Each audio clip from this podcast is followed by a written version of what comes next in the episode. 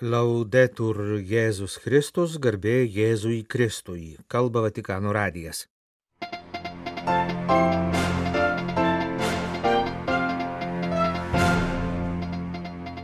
Popiežiaus namų pamokslininkas penktadienio rytą vadovavo Advento meditacijai, kurioje dalyvavo popiežius ir Romos kurijos vadovai. Popiežiaus audiencijos, Italijos katalikų akcijos vaikams ir kalėdinio koncerto vargstantiesiems organizatoriams.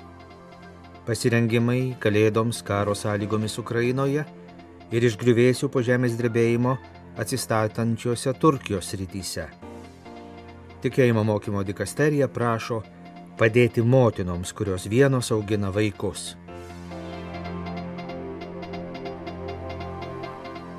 Penktadienio rytą popiežiaus namų pamokslininkas kardinolas Raniero Kantalamesa skaitė pirmąją tradicinę Advento meditaciją, kurios klausėsi popiežius ir Romos kurijos vadovai. Šių metų Adventas trunka tik tris savaitės, o pirmosios savaitės penktadienis sutapo su švenčiausiosios mergelės Marijos nekaltojo prasidėjimo iškilme.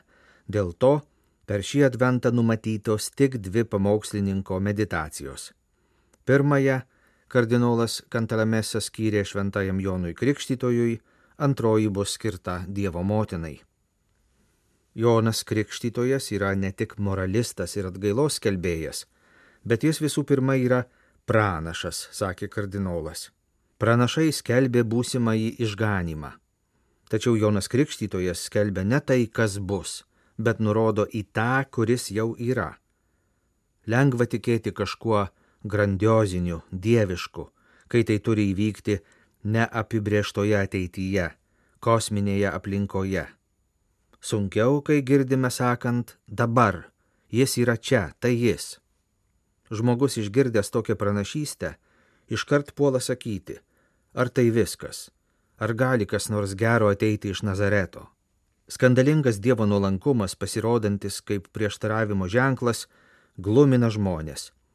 Iš tiesų sunku patikėti, kad tas žmogus, kurį jie matė valgantį, miegantį, gal net pabudus žiovaujantį, yra visų laukiamas mesijas. Sunku patikėti, kad pasiekėme istorijos išsipildymą. Tam skelbti iš tiesų reikia pranašiškos drąsos, didesnės už Izaijo drąsą. Ko mus moko Jonas Krikštytojas kaip pranašas? Pasak popiežiaus pamokslininko, jis mums visiems suteikia užduoti būti pranašais. Jonas Krikštytojas pradėjo naują krikščioniškąją pranašystę, kurios esmė ne skelbti būsimą išganimą, bet atskleisti Kristaus buvimą slypinti pasaulyje ir istorijoje. Jono laikais žmonės piktino Dievo sūnaus žmogiškumas, jo fizinis kūnas, toks panašus į mūsų kūnus, išskyrus nuodėmę. Taip pat šiandien jo kūnas kelia papiktinimą, jo mistinis kūnas, bažnyčia, tokia panašiai į likusią žmoniją. Kaip Jonas Krikštytojas savo amžininkams padėjo atpažinti Kristų jo žmogiškajame nuolankume, taip šiandien būtina padėti žmonijai jį atpažinti, bažnyčios ir mūsų pačių gyvenimo paprastume, sakė pamokslininkas.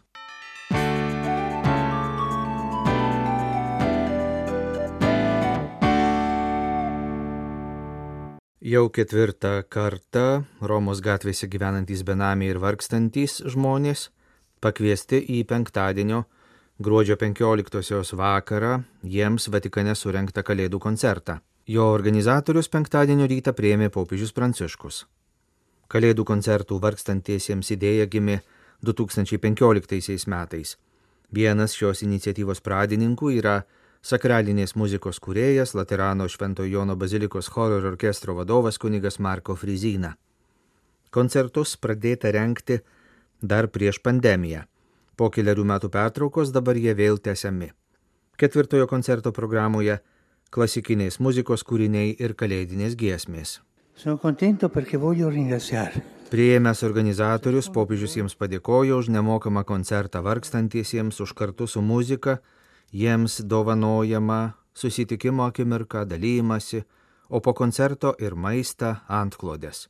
Vienu žodžiu sakė Pranciškus, jūs jiems dovanojate brolystę ir tai labai dera su Kalėdų žinia. Questo è molto coerente con il messaggio di Natale.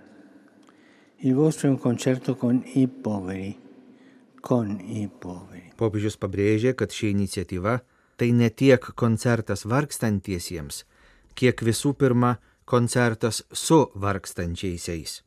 Per Kalėdas švenčiame Dievo ateimo į pasaulį slėpinį. Jis atėjo ir apsigyveno su mumis. Šis didis slėpinys mums yra neapriepiamas, tačiau ir mes galime jį išgyventi, susitikdami su kitu žmogumi, priimdami jį, dalydamiesi su juo draugystę.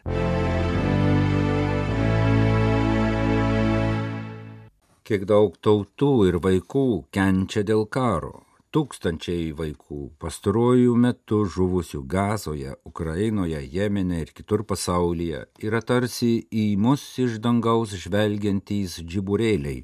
Jų prisiminimas yra kvietimas mums būti šviesa pasauliui, kad paveiktume žmonių širdis, ypač tų, kurie gali sustabdyti smurto viesulą. Pažymėjo popiežius Pranciškus Italijos katalikų akcijos vaikams penktadienį Kalėdoms skirtoje audiencijoje. Visus pasveikinęs Pranciškus paragino vaikus įsigilinti į jiems perduotą jo kalėdinį sveikinimą, kuriame patikino, kad tik Dievo ir vienų kitiems meilė leis pasauliui atrasti tą šviesą ir taiką, kuri angelų lūpomis nuskambėjo Betliejuje. Kalėdos mums primena, kad Dievas mus myli ir nori būti su mumis. Todėl Jėzus gimė ir augo Marijos ir Juozapo šeimoje.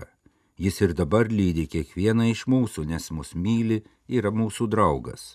Tai nuostabiausia dovana, su kuria ateina dar viena. Ir mes galime vieni kitus mylėti. Mums to labai reikia, pažymėjo Pranciškus, primindamas katalikų akcijos vaikams karuose žūstančius jų bendramžius. Ar žinote, kiek vaikų mirė gazoje per dabartinį karą? 3000. Tai nesuvokiama, tačiau tokia tikrovė. Ukrainoje žuvo per 500 vaikų. Jemene per keletą metų vykstant į karą žuvo tūkstančiai, pažymėjo popidžius. Romos vyskupas ir bažnyčios Italijoje primas Pranciškus ragino visų pirma mylėti Dievą ir kitus, bet neužmiršti meilės kūrinijai. Dievas kviečia gerbti aplinką, Dievas mus kviečia pripažinti mus supantį grožį ir jį gerbti gamtoje ir žmonėse, aukti dalymusi ir brolybę. Linksmų kalėdų jums, jūsų šeimoms ir visai katalikų akcijai palinkėjo Pranciškus.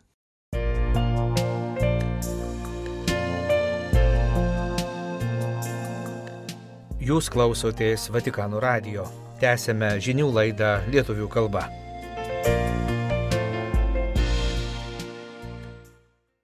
Esame maži kaip lašas vandenyne, bet norime būti gyva bažnyčia, ištikima viešpačiui. Esame pašaukti gyventi ir liudyti jo meilę čia Turkijoje, dažnai labai sunkiomis sąlygomis. Duodamas interviu žinių agentūrai Fides, sako slovėnų tautybės pranciškonas Martinas Kmetecas, Smirnos arkivyskupas ir Turkijos vyskupų konferencijos pirmininkas. Po šių metų vasario mėnesio žemės drebėjimo Turkijoje dar labai daug žmonių, taip pat ir katalikų bendruomenių narių gyvena laikinuose būstuose. Vyskupas pasakojo, kad daugiausia dėmesio skiriama būtent jiems, stengiamasi padėti šiems žmonėms susigražinti viltį. Vyksta namų atstatymo darbai, stengiamasi atstatyti ir nukentėjusias bažnyčias. Izmire, tai yra Smirnoje, restauruojama Šventojo Polikarpo bažnyčia. Iskenderūne sugriuvo katedra ir ją reikia atstatyti nuo pamatų, tad šis darbas užtruks ilgiau. Bažnyčių pastatų atstatymas, aiškina vyskupas, yra svarbus, nes bažnyčių pastatai tai regimi krikščionių bendruomenės buvimo Turkijoje ženklai. Katalikų bažnyčia Turkijoje negauna valstybės paramos rekonstrukcijai, nei leidimų naujiems pastatams, tad reikia veikti savo jėgomis ir prašyti pagalbos iš išorės. Šiais metais per Kalėdas daugiausia minčių ir maldų bus skiriama už nuo žemės drebėjimo tebekenčiančius žmonės, krikščionys ir nekrikščionys.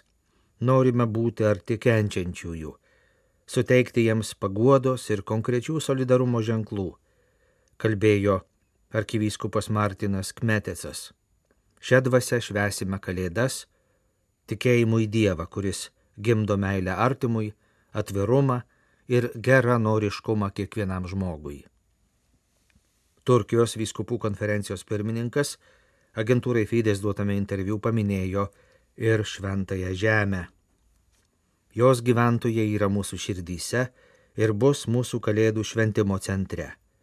Drąsiai šauksimės viešpaties, prašydami dovanoti taiką žemėj, kurią vaikščiojo Jėzus.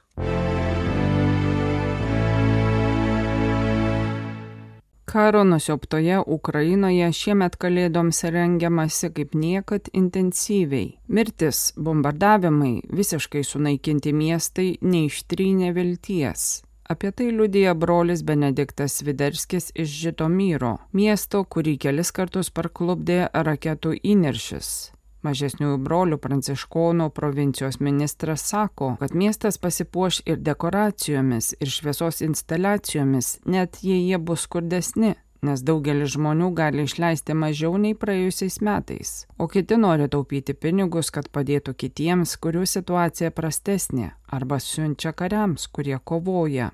Paradoksalu, bet karo sunkumai leidžia ukrainiečiams išgyventi adventą giliau, autentiškiau, sako brolis Sviderskis. Geriau supranti skurdą, kurį Kristus patyrė pats, kai jo tėvai nerado namų ir jis gimė tvarte. Tai bus skausmingesnė kelionė kalėdų link, tačiau malda užima svarbiausią vietą kasdienėme tikinčiųjų gyvenime. Šventinė liturgija išgyvenama nuoširdžiau, užtrunka ilgiau nes pabaigoje visada meldžiamasi šaukiantis taikos, sako pranciškonų provincijolas. Mišiuose kartu su moterimis, vaikais ir seneliais dalyvauja ir tie vyrai, kurie nebuvo išsiusti į frontą. Be jokios abejonės jų maldos kokybė taip pat išaugo. Tai nebėra tie išsiblaškę žmonės, kokie buvo anksčiau, bet atrodo labiau įsitikinę, kad meldžiasi prašydami viešpaties pagalbos, sako vienuolis.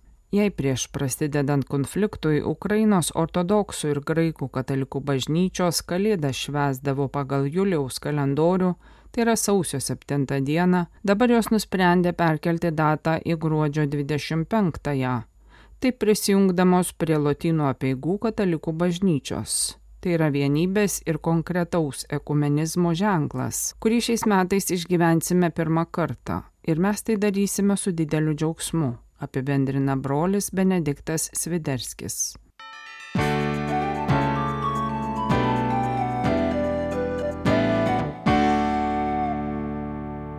Vienišoms motinoms, kurios augina vaikus gimusius nesantokoje, turi būti nekliudoma, jos turi būti skatinamos priimti sakramentus. Ta akcentuoja tikėjimo mokymo dikasterija, atsakydama į Dominikos Respublikos San Francisco de Macoris vyskupo Ramono Alfredo de la Cruzo Balderos klausimą kardinolo prefekto Viktoro Manuelio Fernandeso pasirašytame laiške, kurį gruodžio 13 dieną patvirtino popiežius Pranciškus, o gruodžio 14 dieną jis buvo paskelbtas dikasterijos svetainėje, siekiama atsakyti į Dominikonų vyskupo susirūpinimą dėl vienišų merginų, kurios susilaiko nuo komunijos bijodamos dvasininkų ir bendruomenių lyderių pasmerkimo. Pažymima, kad kai kuriuose šalise ir kunigai, ir kai kurie pasauliečiai trukdo motinoms, susilaukusioms nesantokinio vaiko, priimti sakramentus ir net krikštyti savo vaikus. Laiške pabrėžiama, kad neseniai popiežius Pranciškus priminė, jog Euharistija yra Dievo atsakas į giliausią žmogaus širdies alkį, į tikro gyvenimo alkį Joje pats Kristus yra tikrai tarp mūsų, kad mus maitintų, guostų ir palaikytų kelionėje. Dėl šios priežasties moteris, kurios šioje situacijoje pasirinko gyvybę ir dėl šio pasirinkimo gyvena labai sudėtingą gyvenimą, turėtų būti skatinamos naudotis išganingą ir guodžiančią sakramentų gale. Griežta dvasininkų elgesi vienišų motinų ir jų vaikų atžvilgių šventasis tėvas jau buvo pasmerkęs, būdamas Buenos Airių kardinolu. 2012 m. homilijoje jis sakė, yra kunigų, kurie nekrikštyje vienišų motinų vaikų, nes jie buvo pradėti nesantokos šventume. Tai yra šių dienų veidmainiai. Jie klerikalizavo bažnyčią, atitolina Dievo tautą nuo išganimo ir ta vargšė mergina, kuri turėjo drąsos netmesti kūdikio, klajoja iš parapijos į parapiją, kad jį pakrikštytų. Popiežius Pranciškus pripažino šių moterų drąsą nenutraukti neštumo. Žinau, kad nėra lengva būti vieniša mama, žinau, kad kartais žmonės gali blogai į tave žiūrėti, bet aš pasakysiu vieną. Esi drąsi moteris, nes sugebėjai paleisti dvi dukteris į pasaulį. Galėjai jas nužudyti, kai jos buvo tavo iššiose, bet tu gerbėjai gyvybę, gerbėjai gyvenimą ir Dievas apdovanos tave už tai, jis tave apdovanoja. Nesigėdik, vaikščiok aukštai iškėlusi galvą. Sveikinu tave, te laimina tave Dievas, sakė popiežius vaizdo konferencijoje, transliuotojo BBC 2015 m. rugsėjo 4 d. Laiške rašoma, kad vietinėje bažnyčioje turi būti vykdoma ugdanti sielovada, kuri padėtų suprasti, buvimas vieniša motina netrukdo priimti Euharistijos. Kaip ir visiems kitiems krikščionėms, sakramentinės padarytų nuodėmių išpažinimas leidžia joms priartėti prie komunijos. Bažnytinė bendruomenė taip pat turi įvertinti tai, kad jos priėmė ir apgynė gyvybės dovaną, kurią nešiojo iščiose ir kiekvieną dieną stengiasi auginti savo vaikus atkreipiamas dėmesys, kad būna ir sudėtingų situacijų, kurias būtina ganytojiškai palydėti. Gali atsitikti taip, kad kai kurios iš šių vienišų motinų tapusios labai pažeidžiamos, kartais parduoda savo kūną, kad išlaikytų šeimą. Krikščionių bendruomenė raginama daryti viską, kas įmanoma, kad padėtų joms išvengti šios labai rimtos rizikos, o ne jas teisti. Todėl ganytojai turi raginti bendruomenę užjausti šiuos pažeidžiamus žmonės ir vengti juos pernelik griežtai teisti. Kardinolas primena biblinį svetimautojos epizodą iš Evangelijos pagal Joną 8 skyriaus, kuris baigiamas raginimu daugiau nenusidėk. Todėl ir bažnyčia turi ypač rūpintis, kad suprastų, paguostų, integruotų vienišas motinas, vengdama primesti eilę taisyklių, kad jos nesijaustų pasmerktos ir paliktos tos pačios motinos, kuri pašaukta nešti joms Dievo gailestingumą. Tikėjimo mokymo dikasterijos prefektas primena, ką popiežius savo žinioje sinodui kalbėjo apie moterišką ir motinišką bažnyčios veidą, pasmerkdamas šovinistinės ir diktatoriškas nuostatas tų žmonių, kurie persistengia savo tarnyboje ir blogai elgesi su Dievo tauta. Kalba viskupų sinodui 2023 m. spalio 25 d. Jūs turite užtikrinti, kad toks elgesys nepasikartotų jūsų vietinėje bažnyčioje. Baigė kardinolas Fernandesas savo atsakymę San Francisco de Makoris vyskupui.